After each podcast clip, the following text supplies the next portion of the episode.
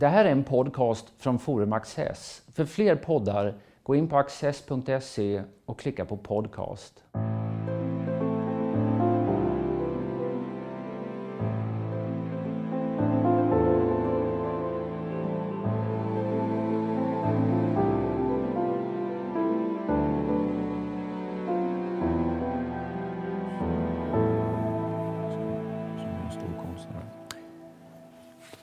Hej och eh, välkomna till en ny bok där vi då ska tala om Carl Gustaf Tessin eh, och eh, detta med utgångspunkt från boken Collecting Enlightenment med redaktör Kurt Almqvist och Louise Belfrag.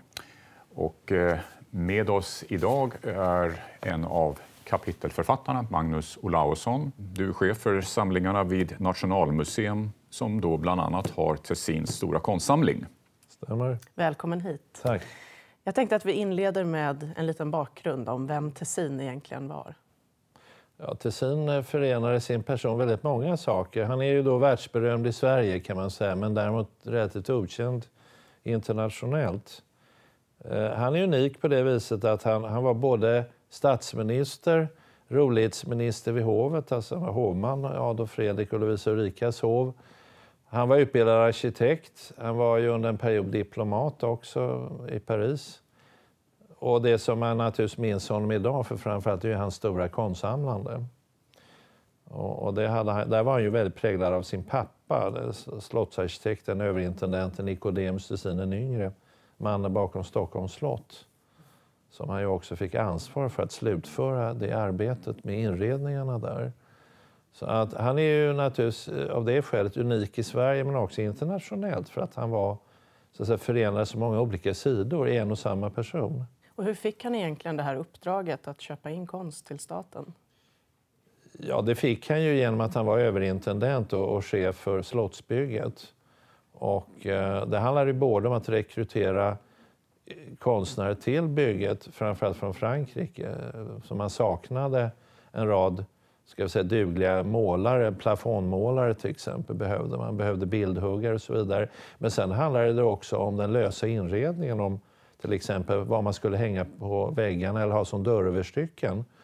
Och då ansåg Tessin att då behövde man vända sig till Frankrike och på det viset så, så, så kom det här, ska jag säga, det offentliga uppdraget till slut att sammanfalla med hans privata samlande. Men det hade en alldeles speciell historia. Det berodde nämligen på att att det blandade sig i politik i det här samtidigt. Och eh, på andra sidan bordet hade han sina politiska motståndare och de, de var inte primärt intresserade av konst utan de var ute efter hans skalp så att säga.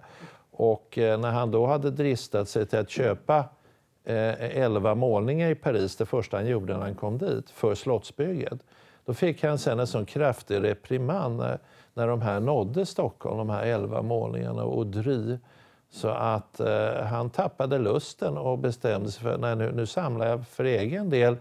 Naturligtvis med baktanken att han skulle kunna sälja det här sen.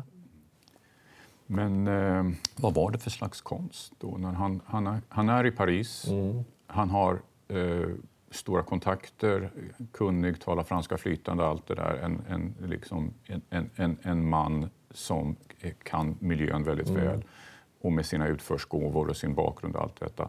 Vad var han inriktad på för slags konst då? Ja, då, då kanske man skulle kunna tro att det bara är paradmåleri, men, men det han köpte var väldigt mycket ska jag säga, måleri av mer intim, privat karaktär. Eh, och ändå så, så fick det offentlighet för att en hel del av det han, han förvärvade, som han beställde också, det ställdes ut på Salongen 1740. Och eh, det unika var också att han uppträdde med eget namn. Alltså tidigare så var det inte så vanligt att man angav till exempel att det här är ett porträtt av greve Tessin. Men det skrev man faktiskt i, i, i katalogen till salongen och det var ganska exceptionellt. Förlåt att jag avbryter Magnus. Salongen, vad, vad, är, vad är det? Ja, salongen är alltså namn på en stor utställning som var vart fjärde år på Louvren. Och den hade fått sitt namn efter en av de stora salarna som man kallade för salongen och därför talar man om den årlig, sen blev det en årlig salong, men då, då, kom det här begreppet salong in i historien så att säga, genom just den, detta utrymme i Louvren. det var väl så att på den tiden, om jag läste rätt, att ungefär vid den tiden som, som Tessin befinner sig i Paris ja. så genomgår jag säga, konstmarknaden i Paris vissa förändringar, rätt stora. Att han är där vid en viss tid, alltså han är rätt man på rätt plats i någon mening. Absolut. Det var inte bara att han hade pengar utan han hade också kunskapen och han, eh, den förändrades eh, på många olika sätt. Dels så fick man ju eh, modet att samla nordeuropeiskt måleri, till exempel Rembrandt som var tidigare ganska okänt i, i, i Paris. Det kom ett rätt stort flöde av det från från Amsterdam och, och, och, från Antwerpen. Man köpte in så att säga, handlar i Paris och sålde. Det var big business. Sen kom också ett stort intresse för konstnärligt skissmaterial, både terrakottor men även teckningar. Och det där var någonting som Tessin snappade upp ganska snabbt eh, eh och, och, blev också en stor teckningssamlare. Och det berodde på att man under hans tid råkade ha en, en mycket stor aktion på 19 000 teckningar. Och det är den största aktionen någonsin för övrigt i, i historien. Eh, och den råkade inträffa just under hans tid, vistelse i Paris. Och han köpte då en, en mycket stor samling där.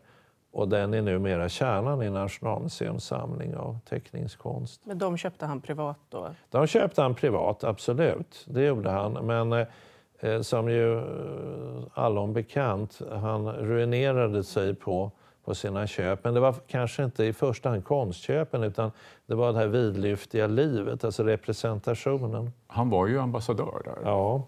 Eh, och, och det, det innebär hans... ju att man måste vara, liksom leva ett, ett vidlyftigt liv och med all den representation och allt det som tillkommer. Va? Det var en nödvändig lyx. Det gällde att, att säga, man representerade landet genom lyxen. Man skulle ha ett stort ekipage, man skulle ha betjänter med livréer, man skulle ha en silverservis, man skulle ha senaste möbelkonsten, så att säga, möblera upp sin våning. Och han hyrde hela tiden eh, av olika eh, ädlingar eh, palats. Och det där kostade naturligtvis pengar. Eh, så att eh, konstköpen var bara en femtedel ungefär av hans utgifter. Så att, men, men sammantaget så, så ruinerade detta honom faktiskt. Han blev tvungen att sälja det sen. Ja. Och både pappan och farfan var arkitekter, eller hur? Absolut, det här hade han ju blodet. Och, eh, farfar var ju stadsarkitekt och ritade Drottningholms slott. Pappan ritade eh, Stockholms slott. Men pappan blev ju också mycket annat, polisminister, riksråd och, och, och, och riksmarskalk och sådär. Så att den här vägen mot politiken den var egentligen logisk i Tessins fall. Det var inte bara någonting som han kom på, utan det var en konsekvens kan man säga familjens farfar och fars klättrande socialt. Kan man säga att han var ett, en erkänd konstsamlare, ett stort namn i Paris när han befann sig där som alltså, en av de mest etablerade? Eller, ja, han, hur betraktades han, blev, han? Han blev ju det. Han hade en otrolig förmåga att, så att säga, komma in i de rätta kretsarna, att lära känna de rätta personerna. Han kände alla betydande, både konstkännare, handlare och konstnärer. Och, eh, eh, hans, han hade liksom en, en mångskiftande roll själv, för att han var ju också Eh, eh själv en idémakare. Så, så, så, det var inte det att han bara köpte konst så, eller beställde, utan han, han var ju också en, en, en, inventor. Att han, han kallade sig för, för om idé. Och det betyder att han, han såg sig som själv medansvarig kan man säga i konstverkets koncipierande, i dess födelse. Så han beställde verk också då? Eller? Han beställde och hittade på kan man säga. Och sen utförde konstnärerna enligt hans önskemål. Och det där var ganska kontroversiellt. Det, var inte, det, det kom att kritiseras rätt hårt precis under den här tiden han var i Paris. Bland annat upplysningsfilosofen Denis Diderot som tog avstånd från detta. Han ansåg att, att beställaren skulle inte lägga sig i så att säga, konstverkets födelse. Du, näm ja, du nämnde Rembrandt som en mm. av de eh, liksom, målare som hade... Kan, kan, du nämna några fler eh, målare eller, som han som Tessin var särskilt intresserad av? Ja, han var ju framförallt oerhört intresserad av de samtida franska konstnärerna. Chardin, eh, Audry, Boucher. Eh, han kände dem personligen och eh, eh, det var en ynnest också att han beställde. Det ökade så att säga, värdet på deras verk. Och, eh, det där kan man säga också är intressant, för det säger någonting om konstlivet i den tidens Paris. Den här symbiotiska förhållandet mellan konstnärerna och beställaren, eller beställarna.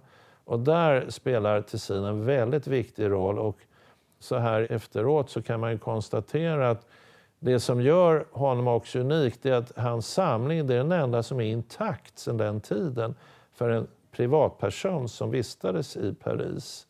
Vi har inget motsvarande exempel i Frankrike. De kungliga samlingarna känner man ju, eh, men inte en icke-kunglig person. Där är Tessin unik och det blev väldigt tydligt när vi gjorde utställningen på Louvren att det är det som fascinerar fransmännen också. Men fascinerade även, eller fascinerade även svenskarna på den här tiden? Då? Ja, men det, det väckte också avundsjuka. Ja. Det är ju en eh, synd, dödssynd i vårt land eh, som vi lider av. Och han var ju utsatt för det naturligtvis. Han var en gullgosse som, blev, som väckte avundsjuka och eh, det, det hade ju också sina politiska eh, konnotationer. Han var ju, tillhörde ju hattpartiet. Och när mössorna satt vid makten gjorde de allt för att, att, att grilla honom. Så att säga. Och det var det som var orsaken till att hans första konstinköp, när han dristade sig att köpa för 5 000 riksdaler 11 målningar, att han blev hudflängd, det hade politiska orsaker. Det var, egentligen hade det ingenting med konst att göra, utan det var ren, ren politik. Så att politik och konst och kultur har blandats även, inte bara i vår egen tid, utan även på 1700-talet. Man kan ju se honom eh, nästan i, i Paris då, en person med alla hans, med hans bakgrund, hans kunskaper. Han var ambassadör, politiker i någon, i någon mening. Han, eh, han måste ju ha varit en ganska duktig förhandlare liksom man kan säga, när, när det gäller att köpa in konst. Vet vi någonting om hur, hur han uppfattades i, de, i själva jag säga, i, i själva förhandlingsläget när han köper in det? Ja, alltså Audry som jag nämnde, eh, han var ingen lätt eh, konstnär att förhandla med för han ville aldrig pruta. Så där höll Tessin på i fyra år innan det blev någon affär. Men han fick bara konstatera att ja, han gick inte ner i pris, det var bara så. Eh, sen var han väldigt mån om att om han fick en gåva till exempel, att han skulle ge en gengåva. För han ville absolut inte bli mutad. Så att många av de här de kunde få en gulddos av honom eller en, en guldknopp på eller någonting sånt där. Och det var bara för att markera att, att mig mutar ni inte så att säga, med något konstverk. Och det där är ju en etisk fråga som, som även går igen i vår egen tid. Om man sysslar med samtidskonst är det väldigt lätt att, att just hamna i den fällan. Och det där kände ju Tessin till, va? så han var ju väldigt klok på det viset. Sen var han naturligtvis också en politisk förhandlare. Han var i Paris för att förhandla om pengar från Frankrike för att rusta upp den svenska flottan och armén. För att man skulle kunna bekriga Ryssland. Och det var bara att politikerna tryckte på startknappen alldeles för tidigt. Så att innan han hade, hade hunnit ordna de här pengarna så hade man redan förklarat Ryssland krig. Men han lyckades faktiskt ändå trots det ordna pengar. Det var en stor bedrift. Samtidigt som han köpte konst. Då. Och ändå dog han utblottad på slutet. Ja, han levde på kredit. Han levde tack vare eh, att han hade snälla vänner. En svåger som hade köpt allting i hemlighet och, och Grill, eh, handelshuset, som höll honom under armarna. Men eh, sen var det ju konkurs kan man säga i realiteten efter hans död. Så samlingarna såld, alltså såldes av efter? efter... Ja, han sålde själv av under sin levnad. Första var ju målerisamlingen som han tvingades sälja till Fredrik den förste, till kungen. Och symptomatiskt nog inköp för tyska pengar, inte svenska. Så eh, Fredrik den förste var ju landgrev av, av Hessen-Kassel, så han hade pengar från Tyskland. Och de pengarna använde han för det här köpet. I Sverige har man ju hållit hårt i, i stålarna när det gäller konst alltid, så, att, så var det även på 1700-talet. Intressant. Plus change, som det brukar heta. Så är det. Magnus, eh, tack för att du kom hit och ehm, tack för att du berättade om den fascinerande Gustav Tessin. Ja, det var det lilla. Tack själv.